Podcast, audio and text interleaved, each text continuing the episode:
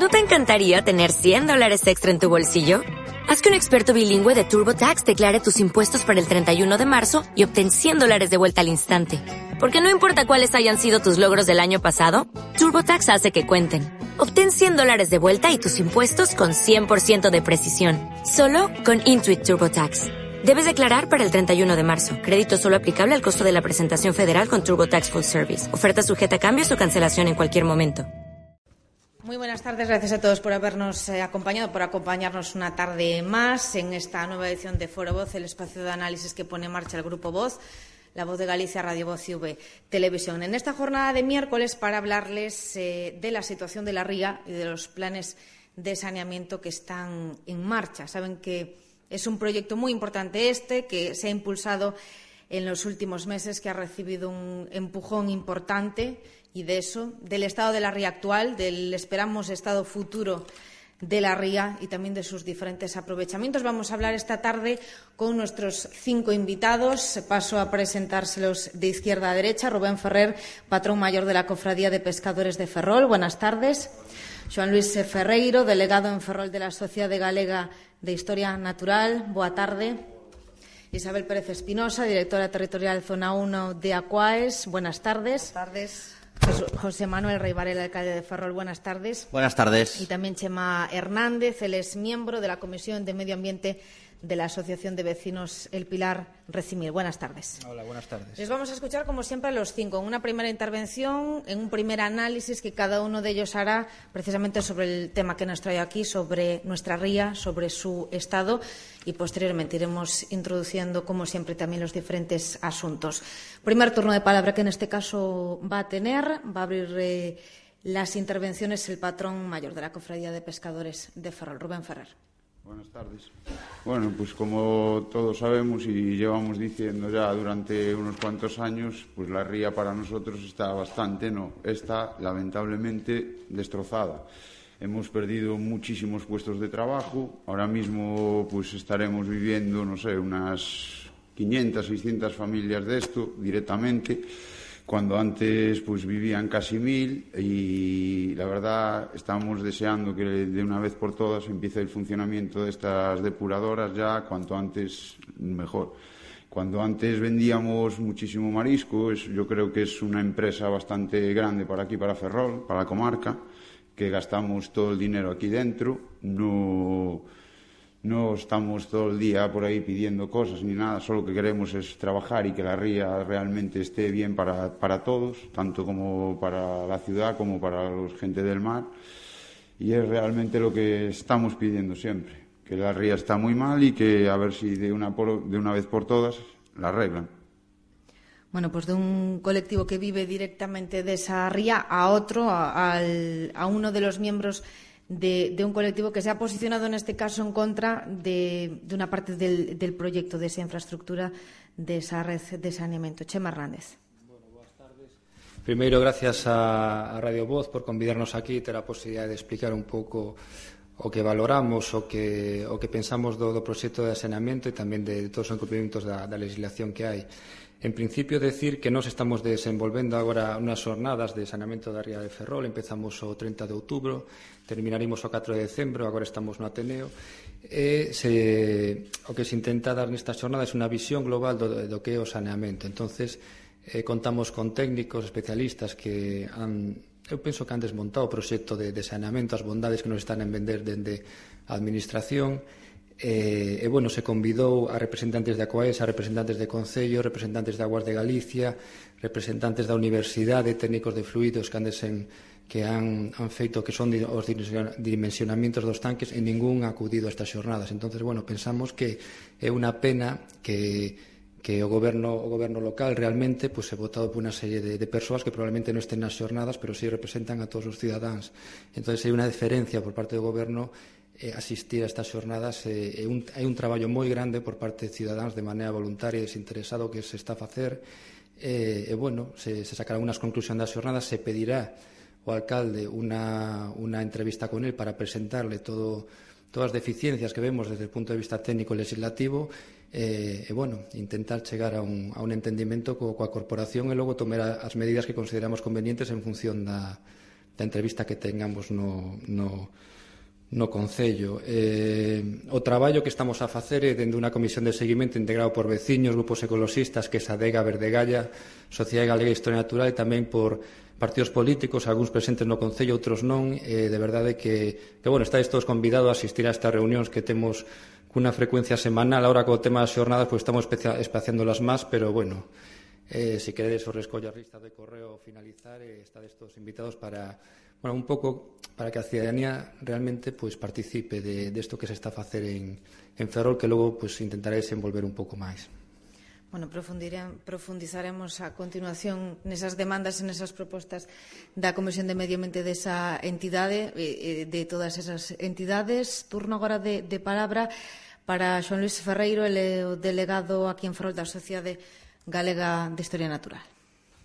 Ola, boa noite. A ver, eu falo en nome da Sociedade Galega Literatura, evidentemente, pero tamén como, como veciño desta ría e como persoa que vive do mar, desas 500 familias que comentaba Rubén. Non? A ría de Ferrol mm, non é só o patrimonio natural que temos, é que todos os concellos da ría, e especialmente Ferrol, debemos o que somos gracias a esta ría que temos. Non teríamos construcción naval, nin existiría armada, e, por suposto, non existiría ni marisqueo ni pesca, que foron as primeiras actividades que eh, facilitaron a, a fixación da poboación aquí. Non? Eh, Precisamente por eso nos parece lamentable e levamos anos, anos defendendo a, a ría como tal, non? como espacio vivo, como fonte de traballo e como eh, como punto de supervivencia para todos nós. Nós participamos, como dixo Chema tamén nese, nese grupo, e eu penso que non pedimos nada excepcional, senón algo racional, simplemente racional, que se executen os orzamentos que hai eh, para se executen as obras, é dicir, que se gasten os orzamentos, que todos os veciños e veciñas pagamos, que esas obras se fagan para que exista unha depuración real, é dicir, un saneamento real, que permita que, sexa, que a ría sexa como mínimo de punto de partida, que o punto de partida sexa unha zona A, non como nos dixo o presidente da Costa de Galiza, que o punto de partida sería unha condicións microbiolóxicas de B, non? algo que nos parece inconcebible. Eso, evidentemente, porque parte dun proxecto que non é o saneamento integral. Saneamento sí, pero a medias, non? Entón, nos queremos que ese saneamento se execute en condicións, non porque o merezcamos, é unha cuestión de que merezcamos, que todos o merecemos, porque o merece porque o merece o medio, porque o merece a cidade, porque o merecen todos os veciños. Non? Estos días vemos os problemas que temos con Naval, evidentemente, eh, nos, de, ainda que somos sociedade medioambientalista, non quero decir que estamos contra a industria, ni moitísimo menos, pensamos que é eh, posible desenvolvemento sustentável e ter ao mesmo tempo construcción naval e marisqueo, pero eso implica que, se, que os, as inversións que se fagan para saneamento, que levamos, hai que recordar, é a ría máis contaminada de toda Galiza con moita diferencia, que se fagan, xa que se fan con, máis tarde que ningún sitio, que se fagan ben. Pensamos que non se están facendo ben e nós non pedimos ninguna cousa excepcional, volvo a repetir, non é nada excepcional, é simplemente un uso racional dos cartos para ter unha ría nas condicións en que debería estar Non pedimos máis que eso, tan simple como eso. Turno agora de Isabel Pérez Espinosa, directora territorial de Zona 1 Aquaes. Muchas gracias, María. Muchas gracias por invitarme a participar en esta mesa. Al ser ya la cuarta interviniente, hace que, además de mm, explicar qué es lo que hace Aquaes, Aguas de las Cuencas de España, en Ferrol, pues casi tengo que empezar a contestar a alguno de los intervinientes anteriores. Yo primero, bueno, pues por clarificar, para aquel que no lo sepa, Aquaes, Aguas de las Cuencas de España, es una empresa pública perteneciente al Gobierno de España, tutelada por el Ministerio de Agricultura, Alimentación y, Medio Ambiente, que eh, se encarga de diseñar, ejecutar y explotar infraestructuras hidráulicas pues en toda España. En este caso, en la zona 1, que es la que nos toca Galicia, tiene encomendada la finalización o la participación en la ejecución del sistema integral eh, de saneamiento de la ría de Ferrol.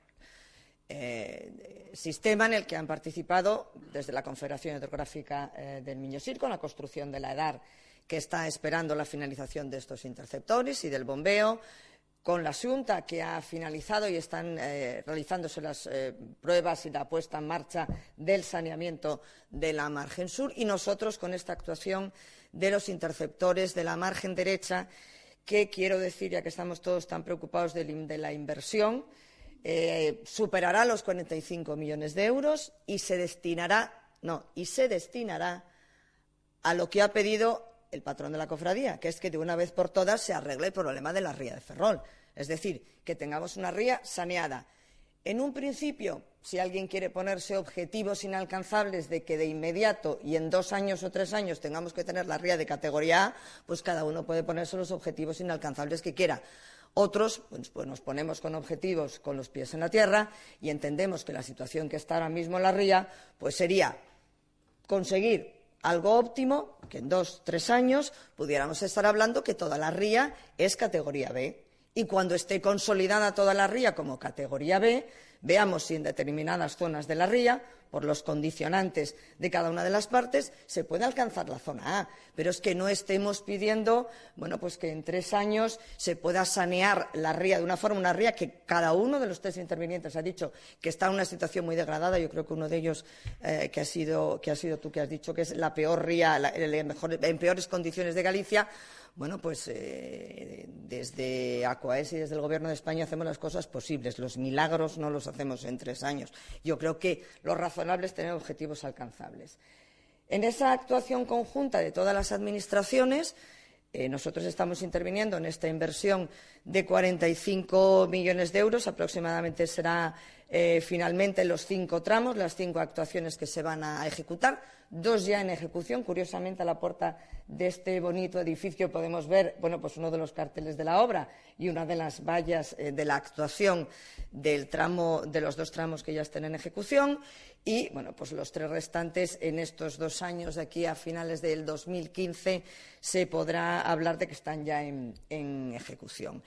En una colaboración que sí quiero resaltar que no solamente es la aportación del Gobierno de España a través de fondos FEDER y fondos de la propia empresa Aguas de las Cuencas de España, sino aportaciones de la Junta de Galicia, que se incorporó a esta actuación el año pasado, y las aportaciones de los ayuntamientos que eh, revertirán eh, a través de las tarifas los fondos eh, que ahora mismo Aguas de las Cuencas de España adelanta para poder ejecutar las obras y que no tenga que recaer en dos años, sino en cuarenta y cinco años ese coste, esa aportación del 10% que hacen los vecinos de, Ferrol en el caso que nos ha ocupado. Yo creo que es muy importante. Esa aportación, ese compromiso, no va a repartirse o no va a ser eh, costeado directamente con eh, aportaciones municipales en dos años, sino en 45 años. Yo creo que la diferencia, la diferencia es muy, muy importante. Y luego, por no robar más tiempo, creo que ya me he pasado, pues podremos hablar de los tanques de tormentas, porque los tanques de tormentas al principio nos parecían que eran mm, pequeños y ahora nos parecen que son grandes. O al revés, es decir, porque como hemos cambiado tanto de opinión, ya no sé si primero eran grandes y ahora son pequeños, o ahora son pequeños y antes eran grandes. Eh, el por qué se ha explicado que los tanques de tormentas eh, son distintos y que los estudios a los que hemos llegado pues no tienen la fiabilidad que otros. Yo simplemente puedo decir que los han hecho ingenieros que se dedican profesionalmente desde hace muchos años a las infraestructuras hidráulicas, específicamente al saneamiento y depuración, expertos eh, medioambientales y sanitarios y que cuentan con la colaboración del grupo de la Universidad de La Coruña.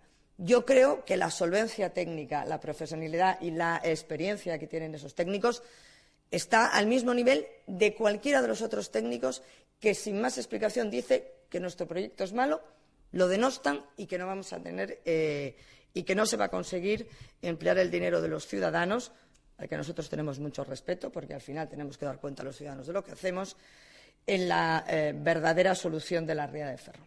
Vamos a hablar, entre otras, de, esa polémica con los tanques de tormentas. Antes vamos a escuchar la primera intervención del alcalde de José Manuel Rey Varela.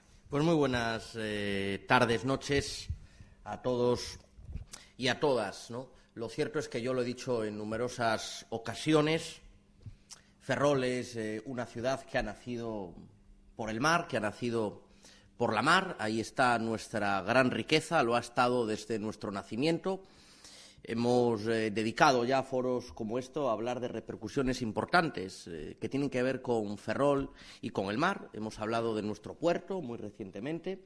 Hemos hablado eh, del sector naval y hoy creo que hablamos de otro asunto estratégico, que es la ría, desde su punto de vista medioambiental y de riqueza económica. De riqueza económica que ha expresado muy bien el patrón mayor. 500 familias viven en este momento del marisqueo pero hace pocos años eran mil las familias que vivían del marisqueo. Por tanto, en estos momentos la clave mm, del servicio público tiene que ser la priorización de los proyectos que puedan generar empleo.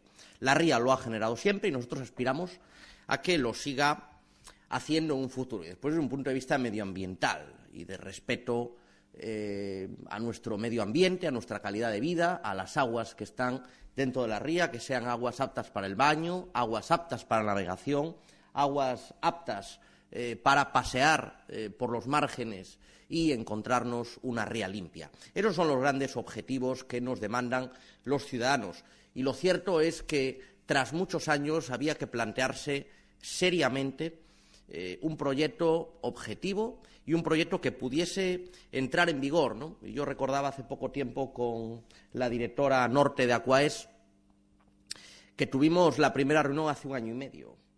Eh, y hace un año y medio en Ferrol no teníamos el convenio firmado con Acuaes. En Ferrol había que hacer unas modificaciones importantes al proyecto de obra y conseguimos sentar a todas las administraciones que tienen algo que ver, que no fue poco porque era muy importante sentar al Ayuntamiento de Ferrol, sentar al Ayuntamiento de Narón, sentar eh, a Aguas de Galicia y sentar eh, a Acuaes para entre todos reformular en algunos aspectos importantes el proyecto porque había algunas cosas que, pensábamos que eran mejorable.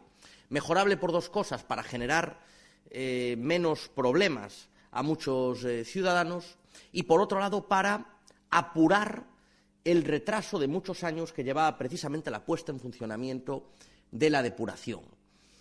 Y yo creo que todo es mejorable en esta vida, pero hemos conseguido dos objetivos, y es que en este mandato eh, vamos a poner en marcha la depuración de nuestra ría. Y yo creo que a pesar de las obras que hay en la ciudad y a pesar de lo que podamos decir, hay mucha gente que todavía no se lo cree, ¿no?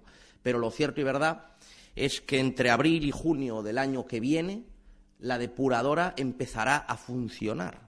Y eso quiere decir que las aguas que en este momento contaminadas se están vertiendo eh, a nuestra ría van a dejar de verterse a nuestra ría y va a empezar un proceso de tratamiento eh, para que las aguas pasen a estar fuera de la ría una vez tratadas eh, por la depuradora. Y yo creo que ese es el mensaje principal el mensaje principal es que empezamos. El año que viene el saneamiento comenzará a ser una realidad y todo el término municipal de Ferrol estará incorporado a una red de saneamiento que se empezó a construir, hay que recordarlo, posiblemente hace 20 años, eh, y que por fin la vamos a poner en marcha y la vamos a poner a disposición de los ciudadanos. Decía las adaptaciones que tuvimos que hacer rápidas, porque aquí había un tema, ¿no? es que un mes más o un mes menos supone más o menos empleo en relación a la ría y más o menos respeto a nuestro medio ambiente. Por tanto, no nos podemos permitir ni un solo mes de, retraso.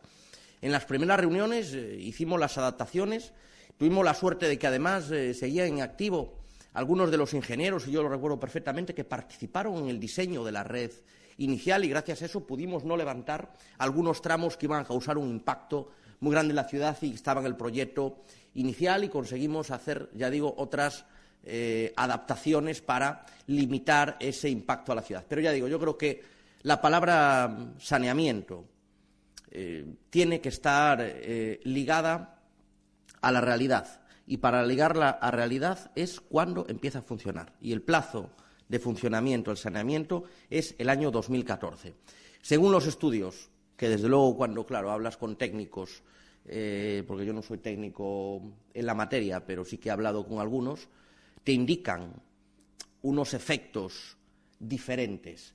Pero desde luego, con el funcionamiento del saneamiento de todo el margen sur, de decenas de miles de habitantes del margen sur que, estaban, estaban vertiendo directamente, con el saneamiento de toda la ciudad y de todo Narón, eh, con el saneamiento proyectado por la Junta para todo el margen de la Malata, con el saneamiento proyectado para el Concello, con todo lo que vierte aguas que están fuera de la ría, y con el saneamiento también muy importante de nuestros astilleros, que es un proyecto que está en este momento en marcha.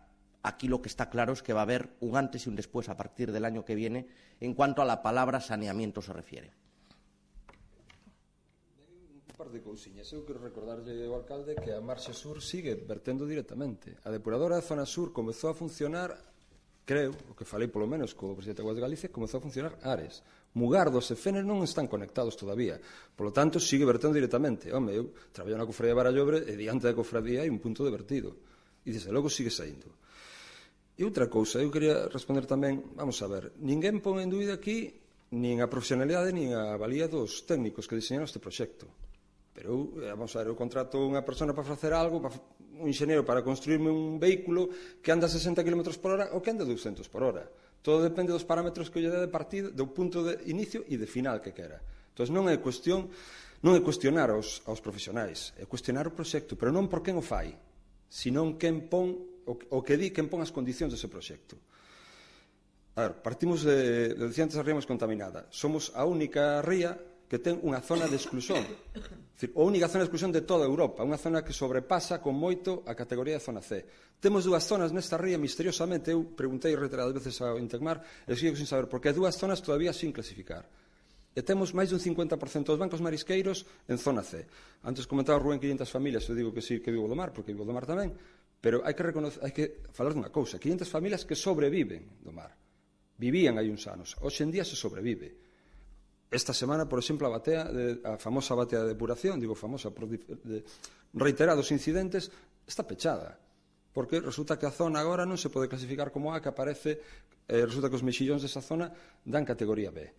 Eh, a ver, de que estamos a falar? Estamos a falar dunha área que está en malas condicións, pero cando a min un, unha persoa que, eh, que o presidente de Aguas de Galicia me di que o objetivo é zona B, Que podo entender eu que vai pasar con Senada de Caranza, unha cidade totalmente pechada, que está clasificada como exclusión, e a cal van verter catro, catro tanques de tormenta, das que se fala que como mínimo vai haber uns 20 vertidos ao ano.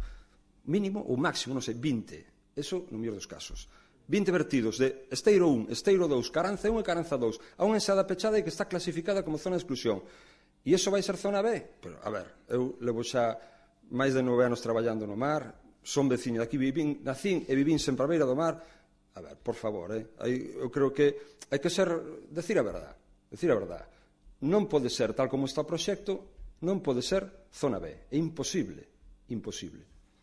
Quiero preguntarle al, al patrón mayor por ese plazo, esos dos, eh, tres años para, para conseguir la categoría B en este caso? Hombre, eh, realmente para nosotros si empieza en funcionamiento y nos dan como B es un respiro muy grande. Por lo menos nos sacan las bateas estas que estaba nombrando aquí mi compañero, como él bien sabe, que trabajamos ahí, que las cofradías ahora mismo llevamos aguantando y sobreviviendo como todos los demás que en cualquier momento ya no es que dependamos ni 500 familias ni nada, que nos vamos a ir todos para la calle, porque el funcionamiento que llevamos viviendo, 50 años como llevábamos viviendo de la ría, y siempre fue como ve, el marisco va para un comprador, el comprador lo lleva a una depuradora y al día siguiente ya lo está vendiendo, no es lo mismo que estar trabajando con estas bateas que no sabemos si trabajamos, si no trabajamos, si abren, si cierran o no.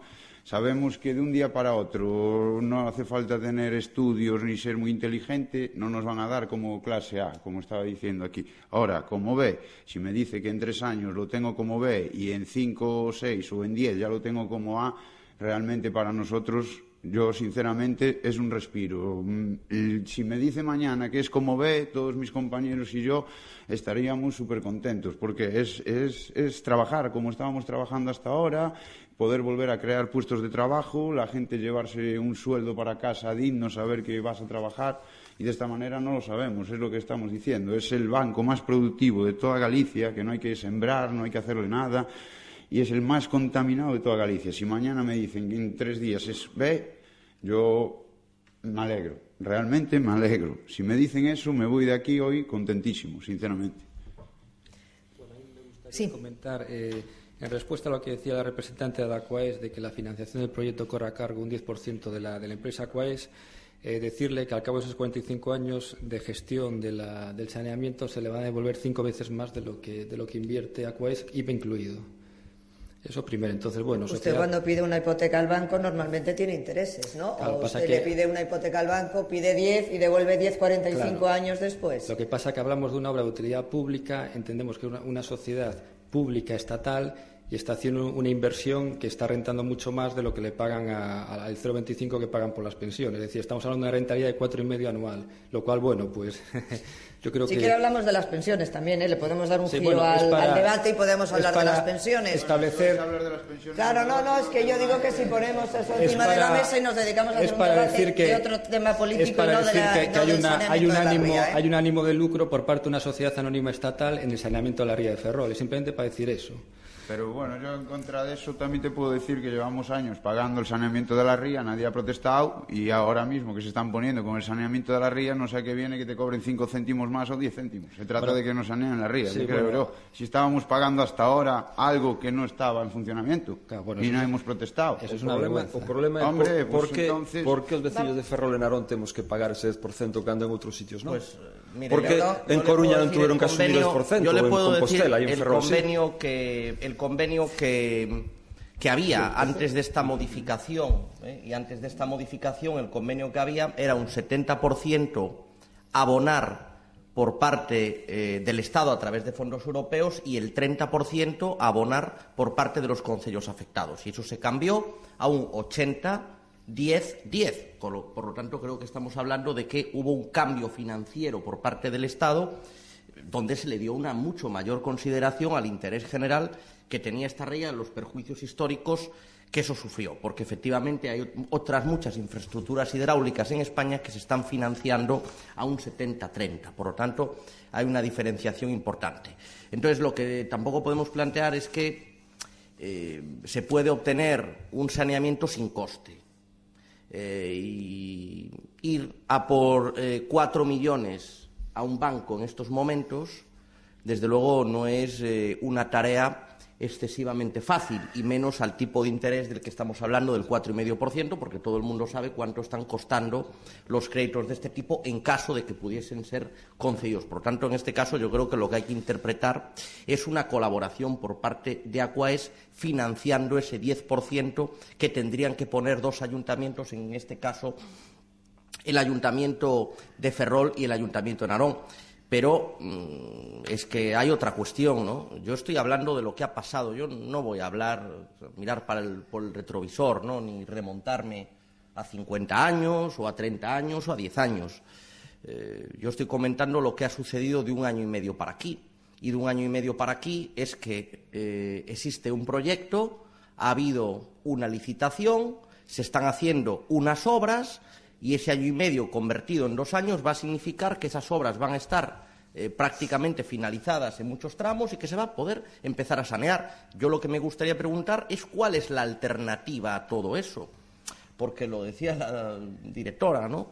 Eh, lo ideal a veces es enemigo de lo posible. Y aquí llevamos, pues no sé, yo no soy muy mayor, pero llevo escuchando hablar de la palabra saneamiento y ocupando páginas de periódicos de saneamiento. Yo recuerdo aquello eh, del conflicto que hubo, no voy a no voy a hablar de ninguna institución, pero si el Bispón, si por arriba, si por abajo, bueno, pues podemos estar así otros diez años en lugar de ponernos a sanear. Yo, desde luego, soy alcalde, tengo una responsabilidad y mi responsabilidad es que en este mandato se empieza a sanear.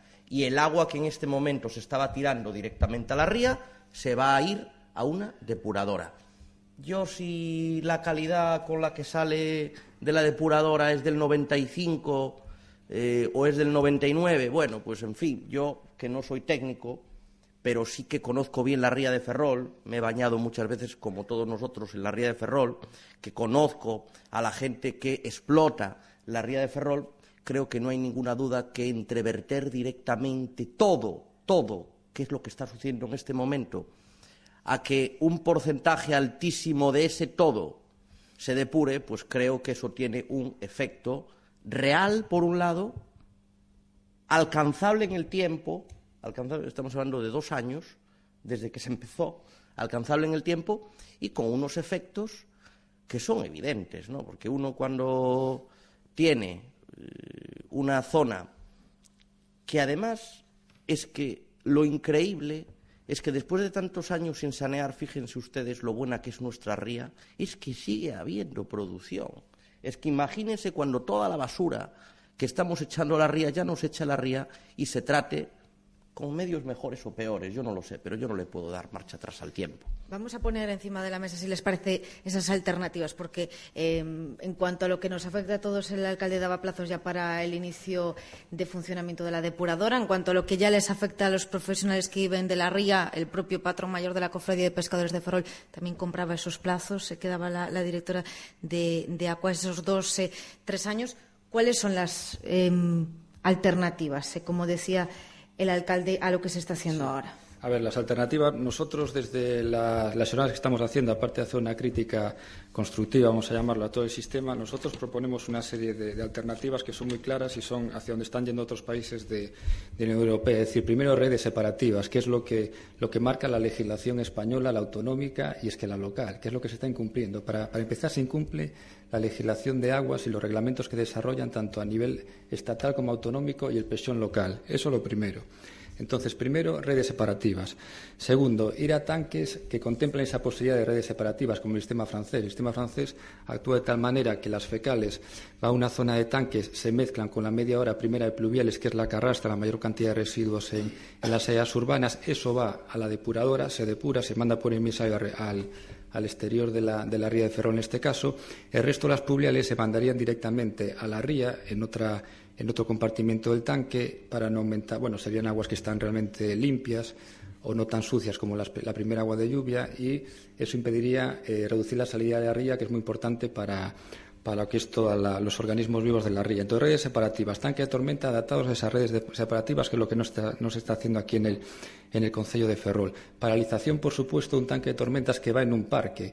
Es decir, si hablamos de redes unitarias, es fundamental tener sistemas urbanos de drenaje sostenible como son los, parques. Entonces, aquí lo que se está metiendo es un tanque de tormentas debajo de un parque, toda la capacidad de drenaje de un área verde se, destruye totalmente. Con lo cual, por supuesto, en, las zonas verdes no deberían ir, tanques. Y luego no pedimos la paralización de las obras de saneamiento, sino simplemente hacer un saneamiento que después de gastar 200 millones de euros, que tengamos una zona de la ría B y partes C y partes excluidas de simplemente sin clasificar, pues bueno, yo creo que es una, es una derrota realmente para, para, para, para, esta, para esta ciudad. También me gustaría eh, aclarar, eh, vamos a ver, eh, incumple, es que incumple incluso las, instrucciones técnicas de obras hidráulicas de Galicia las incumple, porque hablan de que estas instrucciones de que no habrá más de, entre 15 y 20 vertidos. Bueno, en el propio proyecto que tenemos se hablan de 350 vertidos. 350, pues que nosotros tenemos más vertidos, porque en la ranita, la ranita no hablan de tanque de tormentas, habla de una estación de alivio, es decir, no tiene ni, ni bombas para bombear para, para, la estación, para la estación depuradora de, de Cabo Prioriño, con lo cual todo el esfuerzo que se hace en otros, en otros tanques de tormenta, anteriormente, cuando llega la ranita, se va a aliviar directamente a la ría y contemplan en el propio proyecto solo dos alivios al año. la ranita va a aliviar como una condenada en cuanto llegue el agua, porque la depuradora solo está preparada para asumir 6.5 metros cúbicos de, de, agua y de, y de, fecales, vaya. Entonces, bueno, básicamente, cuando hay una lluvia torrencial como la que sufrimos el 21 de octubre, nueve de cada 10 litros de fecales y de agua va a aliviar directamente a la ría. Entonces, suponemos que las mediciones que hay al día siguiente de las zonas de la ría, pues bueno, ya ni zona B. O sea, estamos hablando de una zona totalmente eh, llena de, bueno, pues de, residuos. Por otra parte, el sistema de saneamiento no se puede hablar de sistema integral de saneamiento, porque no contempla la zona ni de la ni de, ni de San Felipe ni, ni, de La Graña, ni la zona industrial. Es decir, los metales pesados se siguen vertiendo la ría. El otro día salía en el diario de Ferrol la cantidad de cobre que hay en la ría, el problema con las enfermedades neurodegenerativas, los casos de estudios epidemiológicos de casos de cáncer. Es decir, ¿qué pasa con el saneamiento de la zona industrial? Esta depuradora está preparada para residuos orgánicos, no para residuos industriales. Suponemos que la zona industrial tendrá su propio sistema, pero que no está contemplado en este sistema de, de, saneamiento. Habla la legislación de retener entre un 80 y 90% de lluvia. Bueno, pues en, días como el 21 de octubre el 80 y 5, el 90% es lo que se va a verter a la ría. Eh, bueno, es que podría seguir, es decir, es que es... Eh, sí, pero como ya estamos llegando al 21 de octubre del 85, pues yo espero que no haya muchos 21 de octubre del 85, porque no creo que esté planteando hacer un sistema integral de saneamiento de la ría pensando en un día. No, no, perdón. Es que ha repetido tres veces el 21 de octubre, creo que era del año 1985. No, no, de este año. De este ah, perdón, de este, este año. sí, sí.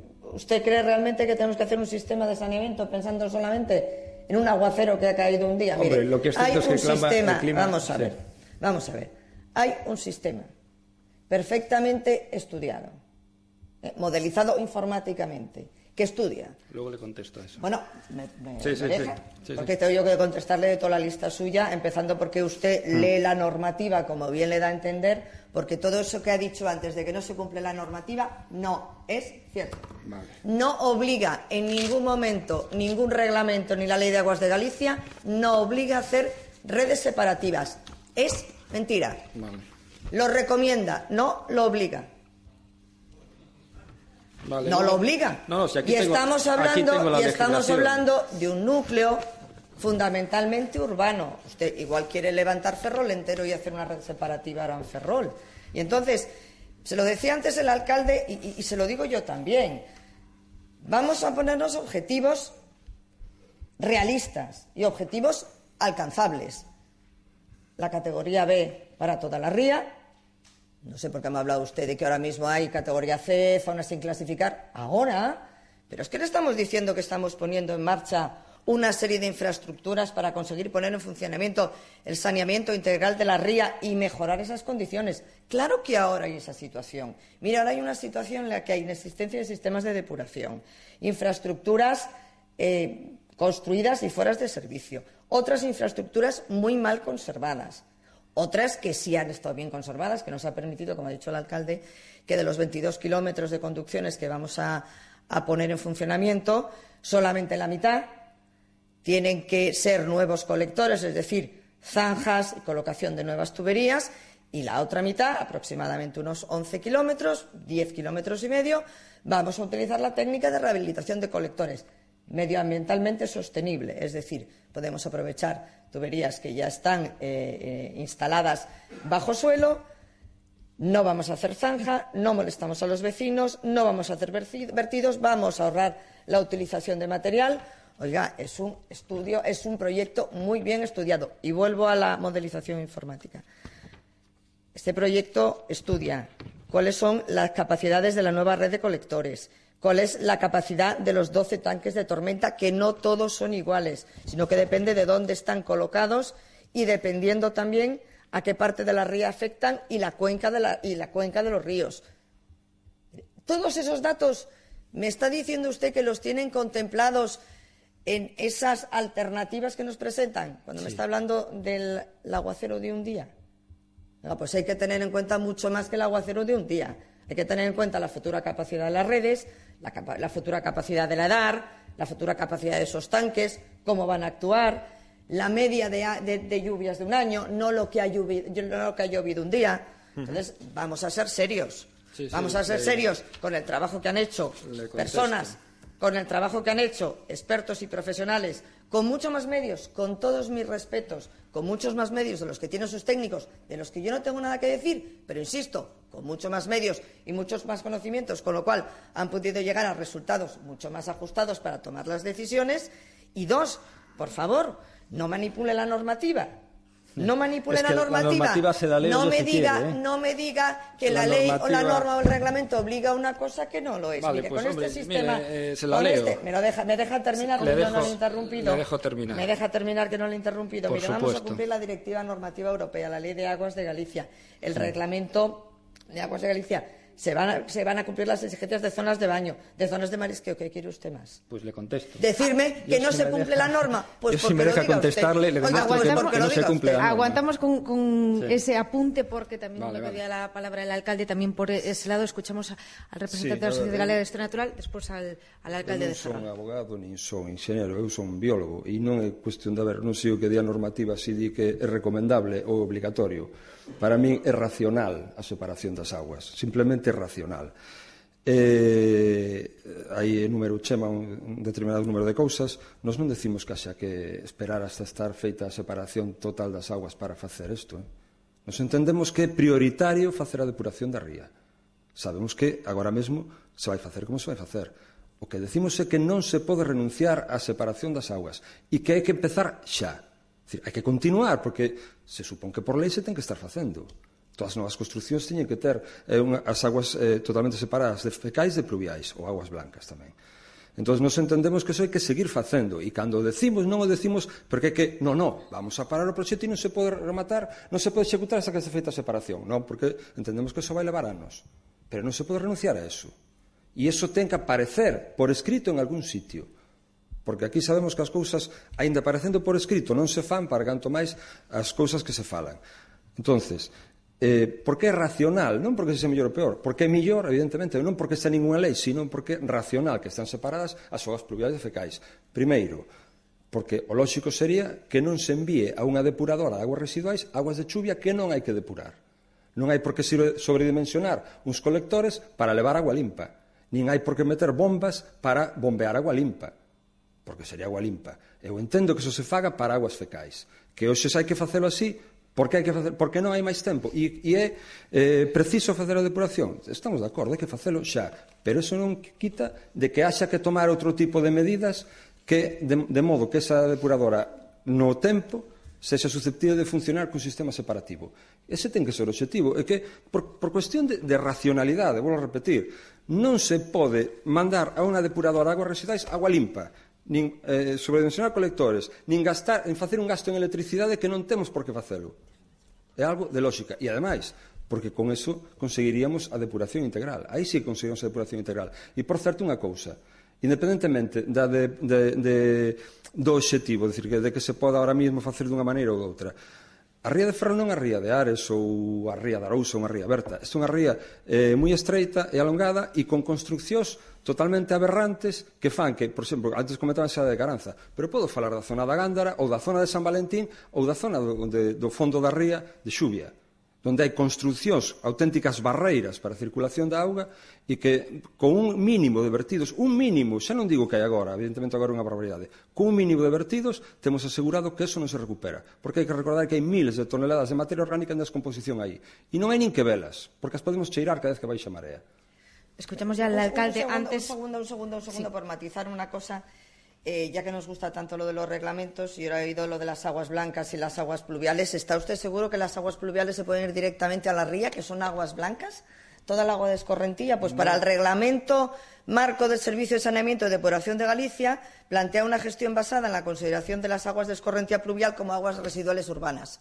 Es decir, no confundamos lo que son aguas pluviales con las que son aguas de escorrentía de un monte. No es lo mismo el agua de escorrentía de un monte que se puede ir a un colector de aguas pluviales y puede ir directamente a un río con aguas pluviales de un núcleo urbano como es Ferrol. No es lo mismo. Y el reglamento, eh, insisto, del Servicio de Saneamiento de la Operación de Galicia dice que las aguas pluviales urbanas se consideran aguas residuales y que tienen que llevar el tratamiento de un agua residual. Nada más, nada más. Alcalde. Mire, más. dunha chuvia continua? Yo- no. De aguas, pluvia- de aguas no, pluviales. no, non é así. De aguas pluviales es lo que ha dicho usted. Turno de palabra. pluviales. Vamos a escuchar ahora al, de de vamos a escuchar al, al alcalde de Ferro. Mire, es que yo creo que mm, tenemos que tratar de sustraernos a veces, eh, bueno, pues de este tipo de debates que son los que al final, en esta ciudad, durante muchos años, han provocado que las cosas, pues, quedasen paradas, ¿no? Y lo cierto y verdad es que, pues, unos, lo que he dicho antes, ¿no? La depuradora en un sitio, la depuradora en otro, que la red por un lado, que la red por el otro, que si el agua de la lluvia tiene que tratarse en la depuradora que no puede ir directamente al mar, o que el agua de la lluvia. Mire, yo creo que lo que hay que hacer es un proyecto eh, informado por los técnicos, sometido a los controles, testado por todas las partes y, por lo tanto, es que ya digo, hay una determinación de que la depuradora va a empezar a funcionar el año que viene y las aguas van a empezar a funcionar el año que viene. Y si después se puede mejorar, yo soy el primero que me apunto a mejorarlo, pero yo, desde luego, como alcalde de esta ciudad, no voy a retrasar ni un solo mes, si puedo ni un solo día, la entrada en funcionamiento y que toda el agua, que los 365 días, como he dicho antes, no un día de lluvia, los 365 días se vierte al mar, que no se vierta. Y después concretar dos cuestiones. Lo de proyecto integral. Es que este proyecto integral se enmarca dentro de otros proyectos. Y ya lo he dicho, hay una margen sur que está acabada. Y si no ha empezado, pues será responsabilidad de quien no la ha puesto a, a funcionar. Yo tengo noticias de que ya está en pruebas y que por lo tanto ya está funcionando. Pero bueno, puedo equivocarme. No es mi responsabilidad. Yo soy alcalde de Ferrol, no alcalde de, eh, de Mugardos, ni de Ares, ni de Fene. Pero a mí lo que me han dicho es que está en pruebas. No lo sé. Habría que preguntárselo a ellos. Yo estoy convencido que esos alcaldes tienen el mismo interés por la ría y por el saneamiento que yo. Por lo menos el mismo. Pero es que después está el margen norte, que es de lo que trata este proyecto. Y después hay otro proyecto más, que es la Malata, que nos habíamos olvidado de que la Malata también había que conseguir un proyecto de saneamiento. Y Aguas de Galicia ha asumido ese proyecto y ha asumido la financiación para que lo que se está vertiendo en la Malata deje de verterse, porque no estaba previsto en este proyecto. Y habla de La Graña y San Felipe. Pues mire, hay un proyecto para toda la zona rural que yo he comentado antes, eh, que se está hablando con todas y cada una de las asociaciones de vecinos para que nos ayuden a definir mejor cómo tiene que ser el saneamiento. Y ya hemos optado, de los que están en la ladera, eh, que baja eh, a, que baja la ría, por entendernos, van a poder conectarse. Y por tanto estamos precisamente con ese proyecto de conexión de toda esa zona como es La Graña y San Felipe. Y se ha hablado de los metales pesados. Mire, es que en dos años toda la obra de saneamiento en nuestros astilleros, que va a ser un antes y un después, con una inversión que no está aquí, de la que nadie ha hablado, pero que está en marcha, de más de 10 millones de euros, se va a cometer. Por lo tanto, ya digo, creo que no hay uno, hay cinco proyectos de saneamiento que van a permitir que haya un antes y un después, mejorable. Toda obra pública de un impacto del que estamos hablando de 200 millones de euros, eh, con unos sistemas, eh, pues con mucha complejidad que a mí se me escapa, eh, porque yo no soy biólogo, tiene problemas y tiene maneras de mejorarla. Pero mire, el día que el agua que ahora se está vertiendo a la ría deje de verterse a la ría y entre en un sistema, el que se ha definido hace unos años, no sé si mejor o peor, supongo que por criterios de varias administraciones que lo han hecho en los últimos años, de varias diferentes. Pues yo quiero tener esa presunción de que se ha hecho lo mejor posible. Y ya digo, y para Ferrol, el antes y el después, el día que en la estación de depuración entren las primeras aguas. Porque esas aguas que entren ahí, no sé si de pluviales, de residuales, de citóxicos, no sé qué, lo que sé es que esas aguas no van a la ría, van a pasar por un sistema de depuración que nos va a volver a permitir que la zona, que la ría de Ferrol deje de ser zona C y, por lo tanto, cumplamos esos dos objetivos, el de la riqueza económica en generación de empleo y el objetivo medioambiental. Y que no va a ser de un día para otro la recuperación plena. Hombre, pues es que eso es imposible. Pero vamos a seguir trabajando, vamos a seguir con proyectos de regeneración, vamos a ofrecerle a nuestras cofradías proyectos de regeneración que permitan seguir cambiando lodos, seguir retirando restos y vamos a seguir ayudándoles a pasar estos momentos de dificultad como consecuencia de que por culpa de las administraciones durante muchos años no están pudiendo extraer toda la riqueza que debieran de la ría. Y eso yo creo que es lo más importante en estos momentos. A la cofradía nos vamos. Eh. A la cofradía nos vamos. A ver, yo estoy de acuerdo con aquí con casi todos, pero bueno, eso de lo de ojalá fuera inmediata la depuración como clasificación A, pero como vemos que es imposible, un respiro, tanto creo como para la gente del mar, como yo estoy aquí representando, como para todos los que estamos utilizando los paseos marítimos para ir a pasear, el olor cuando pases no va a ser el mismo, que siempre estamos protestando. Me parece muy bien que estemos con el debate, pero si llevamos eso, lo que hablábamos peleando, lleváis peleando 50 años por la depuración, una vez que se está poniendo en marcha empezar a parar todo eso, yo creo que, o sea, contra, con nosotros no contar, pero ya os lo decimos inmediatamente. os paramos a todos rapidito. O sea, nos pondremos en delante y las máquinas las, las, utilizaremos nosotros si hace falta.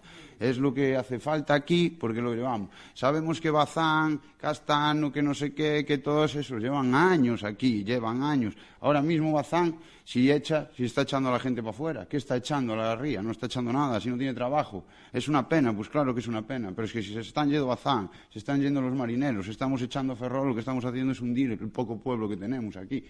O sea, yo creo que la, la ría, que empieza con B, dentro de 10 años, 5 años, 6 años, llega a, a clasificarse como A. Ostras, sería estupendo, perfecto. Pero mientras no está como A y se considera como B, pues ahora mismo, directamente, que es lo que estamos hablando, si vivimos 500, sin contar la gente indirectamente que vive del mar, los compradores, la gente transportista, los que compran todo ese mercado, todos los que vivimos de eso, o sea, si ahora somos 500 dentro de tres años o cinco, seremos 1.500, como éramos. Teníamos, recuperamos la zona de la Ganda, ahora mismo, como lo dice la, la, zona de la Malata, que no estaba metido, que hemos peleado porque se metiera la zona de la Malata, que es una zona riquísima de marisco para gente de a pie, muchos puestos de trabajo que se crearían, pues entonces no sé, no sé, no sé qué, esperamos. Yo, eh, cuanto antes, si me dicen que en vez de dos años es un año, yo me voy de aquí contento. Es que no sé qué más, más esperar de todo eso.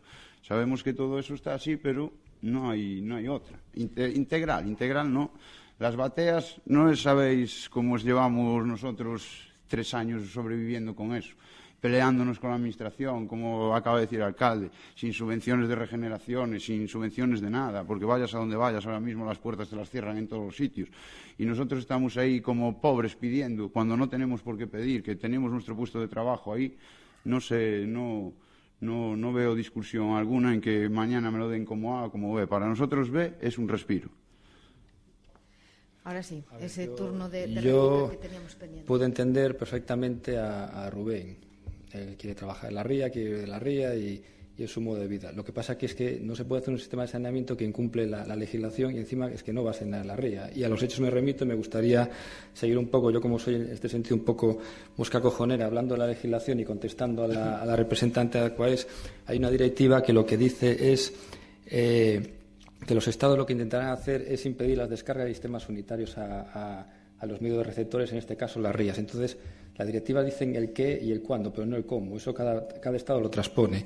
Y precisamente el Estado español, cuando lo transpone, transpone hablando de redes separativas. Los proyectos de. Esto, esto con el reglamento Real Decreto 1290-2012, que es el reglamento que desarrolla la Ley de Aguas de, del Estado español. Los proyectos de nuevos desarrollos industriales deberán establecer preferentemente redes de saneamiento separativas. La Ley de Aguas de Galicia se remite al reglamento. En el reglamento, que antes lo, mencionó usted, de acuerdo de lo mismo. Cuando habla de las prohibiciones, el reglamento de Aguas de Galicia dice está prohibido la dilución para conseguir niveles de emisión que permitan su vertido al sistema. Aquí lo que se está haciendo es una dilución.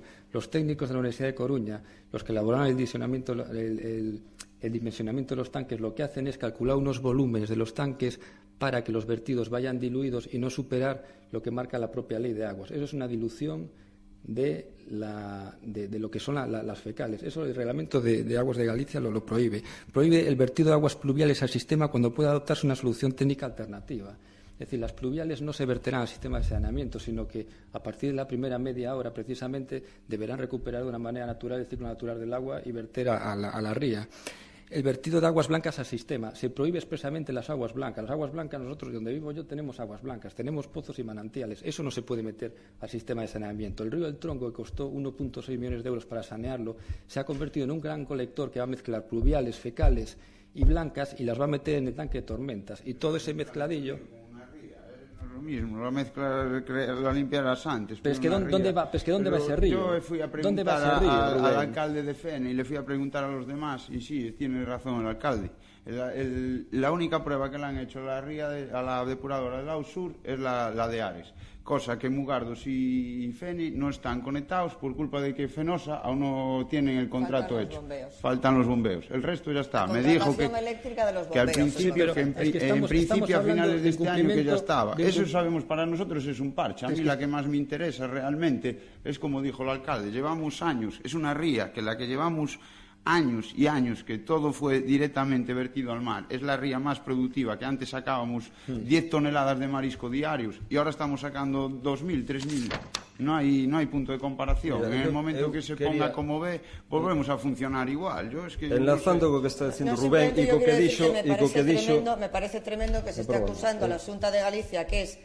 Eh, copromotora de esta obra de estar incumpliendo sus propias bueno, normas es que se está incumpliendo. Es que simplemente yo, digo eso. Donde vivo yo si simplemente digo eso. Si, retorce, si, lo retorcemos y lo manipulamos, pues podemos llegar a que cada uno mire.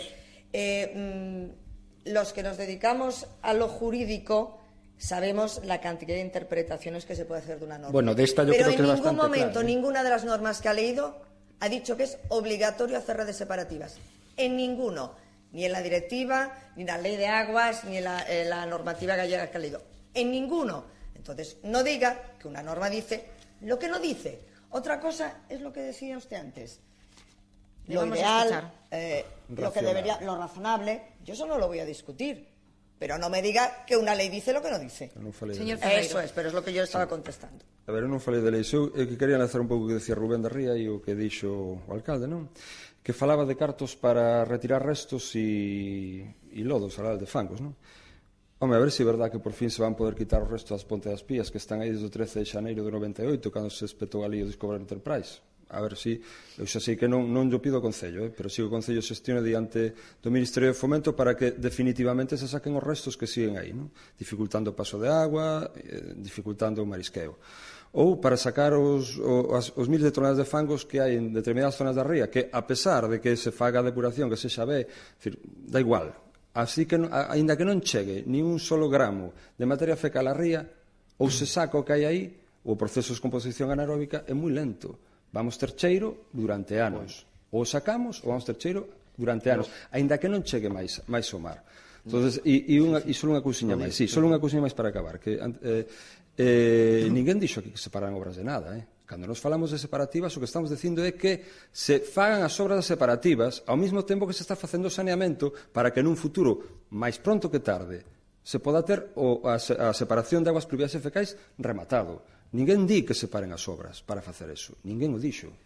Nin, Mire, nin ver, o dixo eu, nin o dixo Chema. Por clarificar do, dos cuestiones, uh -huh. si me permite, que son dos cosas importantes. Todos nuestros planes directores de la empresa de aguas eh, de Ferrol ya incluyen en sus proyecciones esa posibilidad de separación.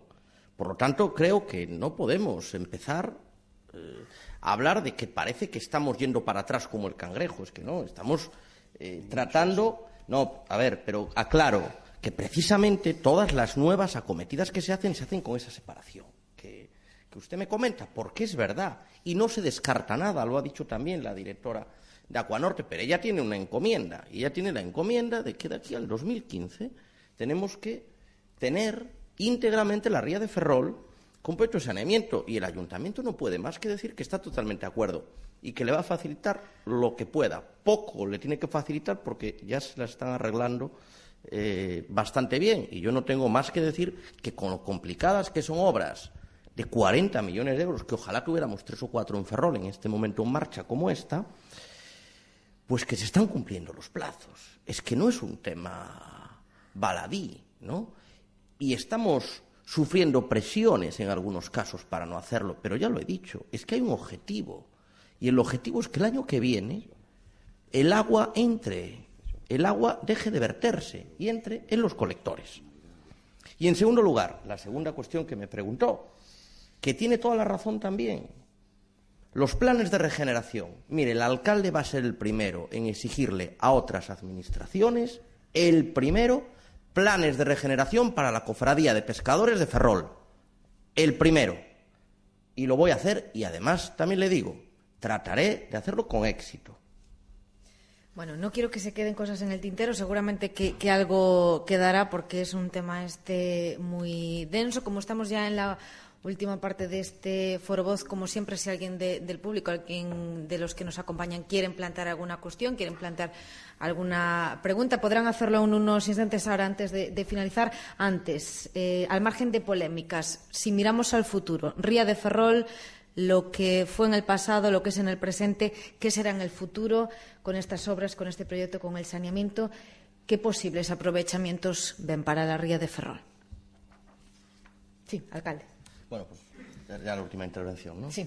Pues nada, yo, mi deseo y lo que estoy haciendo para que así suceda es que en el año 2015 no haya limitación de marisqueo en la ría. Ese es el gran objetivo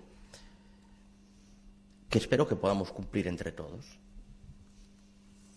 Bueno, pues dependerá, yo creo que con este sistema de saneamiento vai depender maioritariamente da, da vontade da Administración de facer as medicións de, de baterías fecais nos días e nos puntos onde non de por encima do que marca a legislación, porque este sistema realmente pensamos nos, despois de haber analizado o proxecto, que non vai a solucionar a problemática da, da ría. Eh, bueno, e proponemos as alternativas que están utilizando en outros países de, por exemplo eh, eh, aparte de redes separativas pequenas depuradoras de tal maneira que unha gran depuradora que manexe toda a marxe norte da ría ten inconvintes porque se estás mandando pluviales e fecais unha depuradora estás facendo que traballe en tempo seco en tempo húmedo a diferentes eh, a diferentes capacidades e diferentes volúmenes, colo cual esa depuradora xa organismos como o CEDEX, que depende precisamente do Ministerio de Fomento e de, e de Medio Ambiente, di que que bueno, que para recuperar de novo a capacidade, pois máis ou menos unha media de 15-20 días para traballar de novo o 90%. É dicir, é un modelo que incluso unha depuradora para toda a marxen da ría é unha barbaridade. En outros países son pequenas depuradoras. Entón, é dicir, simplemente Eh, este modelo, pues, parece ser que, que, haya interés por las administraciones de botarlo para adiante, pero sí, aparte de, de, que una vez que este o sistema implantado, é o que é o, a gestión do, do sistema e ir realmente a un sistema que, que sane a ría e permita a facer medicións obxectivas e, eh, e reais e a xente que viva do marisqueo, a xente que veña de, de fora, pois aproveitar a ría e, e bueno, unha industria tamén sustentable que a que tenemos hoxe na ría, pero ao mellor non é a, a mellor industria determinadas empresas, non?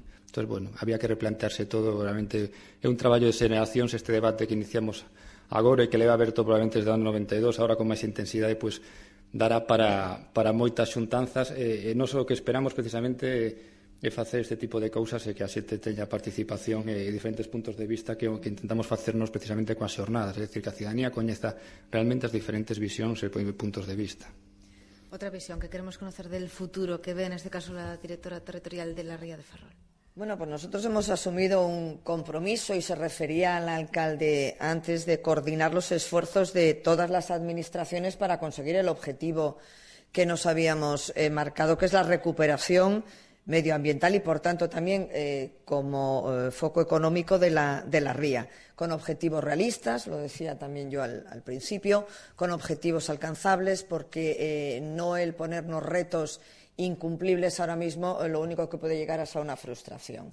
Aquí hay una colaboración conjunta y el esfuerzo económico de todas las administraciones, desde los fondos europeos que se aportan eh, por parte eh, de del Gobierno de España, los fondos que aporta la empresa Aquaes, el compromiso de la Junta para asumir, lo decía el alcalde, esa parte eh, del 20% del coste de la, obra que hace dos años estaba en el tejado del, del, ayuntamiento, completar el esfuerzo que ha hecho la Administración también previamente, la Junta en la margen sur, y que a finales del 2015 podamos estar cumpliendo la directiva eh, europea, que la ría de Ferrol no esté dentro de esos focos que están estudiando los eh, parlamentarios europeos en las continuas visitas que hacen a Galicia, que la ría de, Ferrol se salga de la carta de emplazamiento y eso significará que habremos recuperado la, ría de Ferrol para los ferrolanos, para los gallegos, para los que no somos gallegos, como es mi caso, pero que también podemos venir aquí a disfrutar de ella,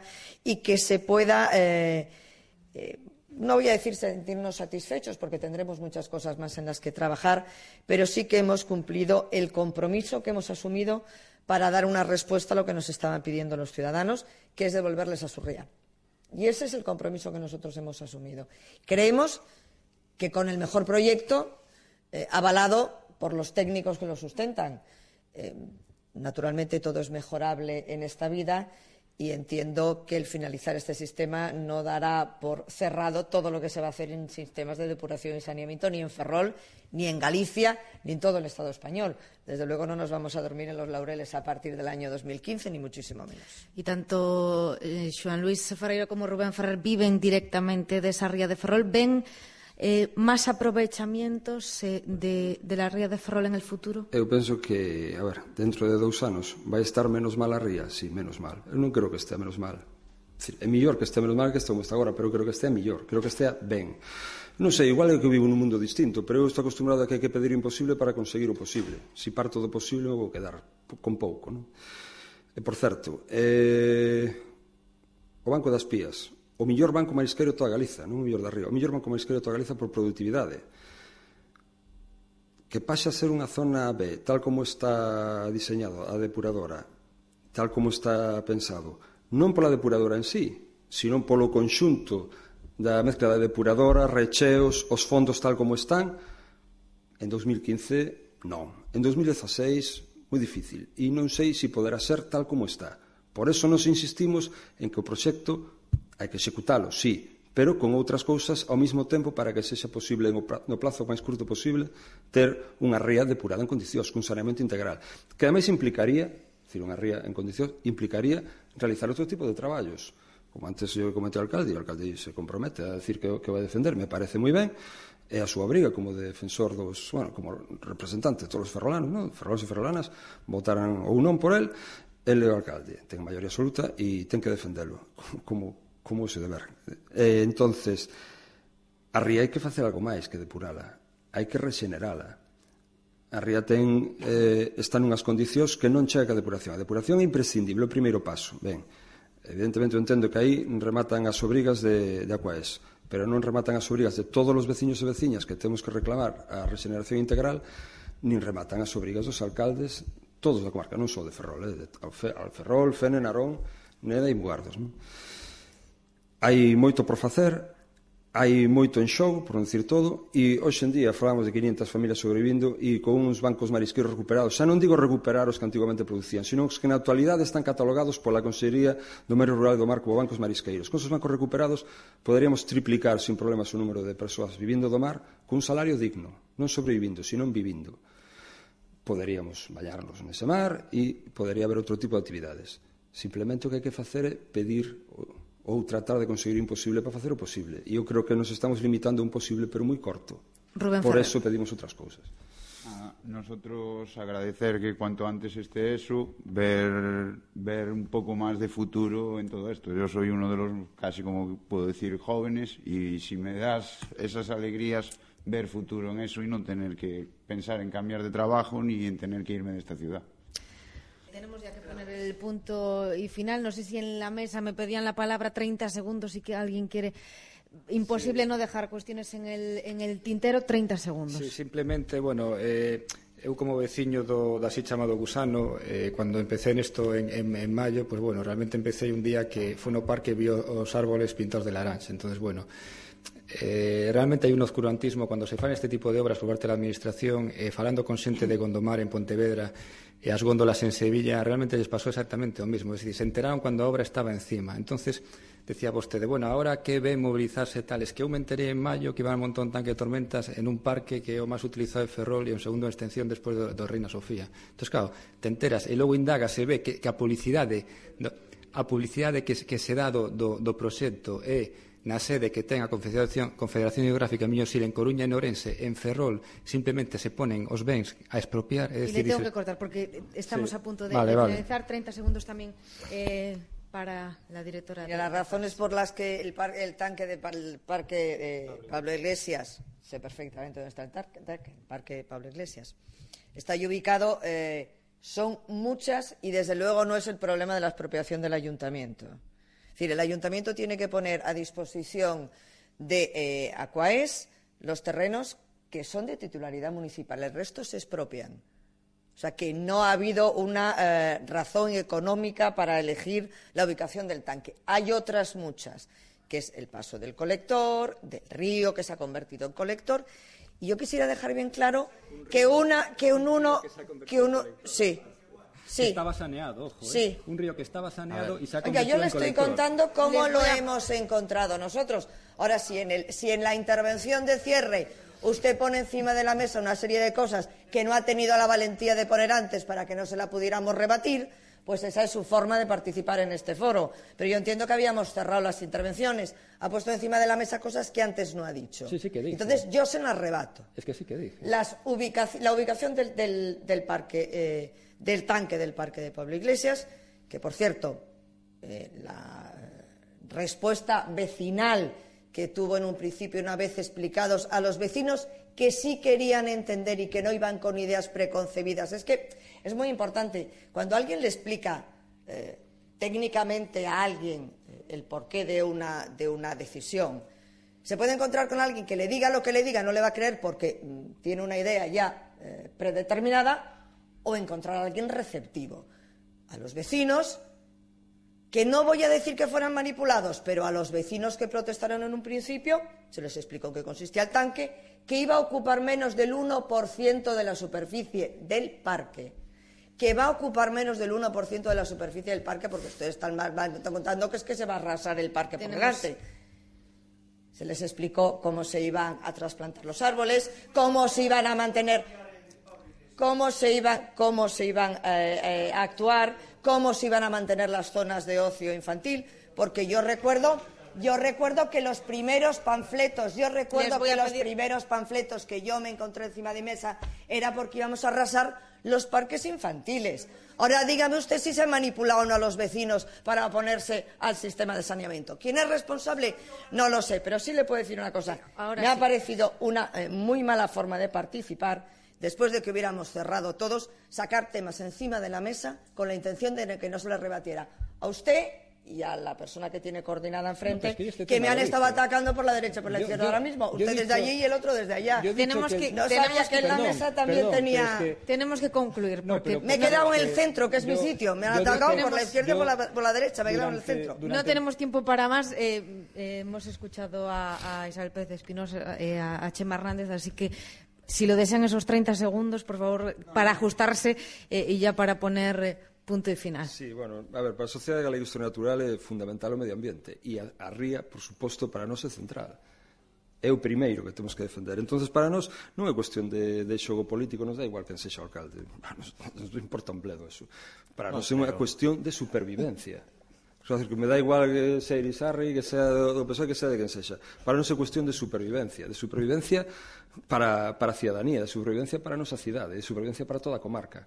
É fundamental. Por eso, por eso nos parece unha cuestión suficientemente seria como para tomala en serio de verdade e non facer cousas a medias. E Rubén... nos pensamos que se está facendo a medias, simplemente. Rubén, Yo dar as gracias por haberme invitado, me parece moi bien, pero as cosas serias ya las habían que empezar hace 20 años, como dijo el alcalde, cuando también se opuso a hacerlo, o sea que una vez que está la cofradía y los pescadores y los mariscadores, todos apoyamos a que se haga cuanto antes, mejor. Pues igual de, de, de sintético, alcalde, 30 segundos. Bueno, no, simplemente para decir que vamos a tratar de que en este mandato hagamos pues el colofón de lo que se ha intentado en otras ocasiones, de lo que se ha avanzado en otras ocasiones, eso creo que es lo importante, creo que es lo que van a agradecer los vecinos y las mejoras, por lo tanto, espero que puedan llegar después. El mundo tampoco se acaba en el año 2014 cuando se ponga en funcionamiento, ni en el 2015 cuando se acabe la red interior de Ferrol y, por lo tanto,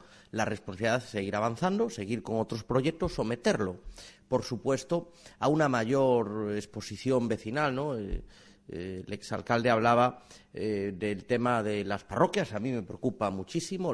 estamos enseñando el proyecto, llevamos seis meses haciéndola por todas las parroquias, hay paneles informativos para los vecinos, no hay una decisión definitiva. Sí que es verdad que en este año tenemos que, tenemos que adoptar la definitiva porque el objetivo es que ese saneamiento empiece paralelo a la explotación de la depuración, porque no cabe duda que hace falta una financiación que necesitamos y una financiación que tenemos que eh, conseguir y que, por lo tanto, ese es el objetivo que, nos planteamos. Pues así nos despedimos. Gracias a los cinco por habernos acompañado en esta edición de Forovoz. Gracias a todos ustedes también por habernos acompañado esta tarde-noche aquí. Recordarles que tendrán cumplida información de todo lo que se ha dicho en este Forovoz en las páginas de La Voz de Galicia y que Radio Voz emitirá un programa especial con motivo de este foro este viernes desde las dos en punto de la tarde. Gracias.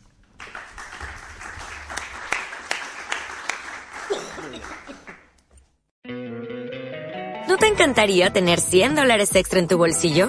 Haz que un experto bilingüe de TurboTax declare tus impuestos para el 31 de marzo y obtén 100 dólares de vuelta al instante.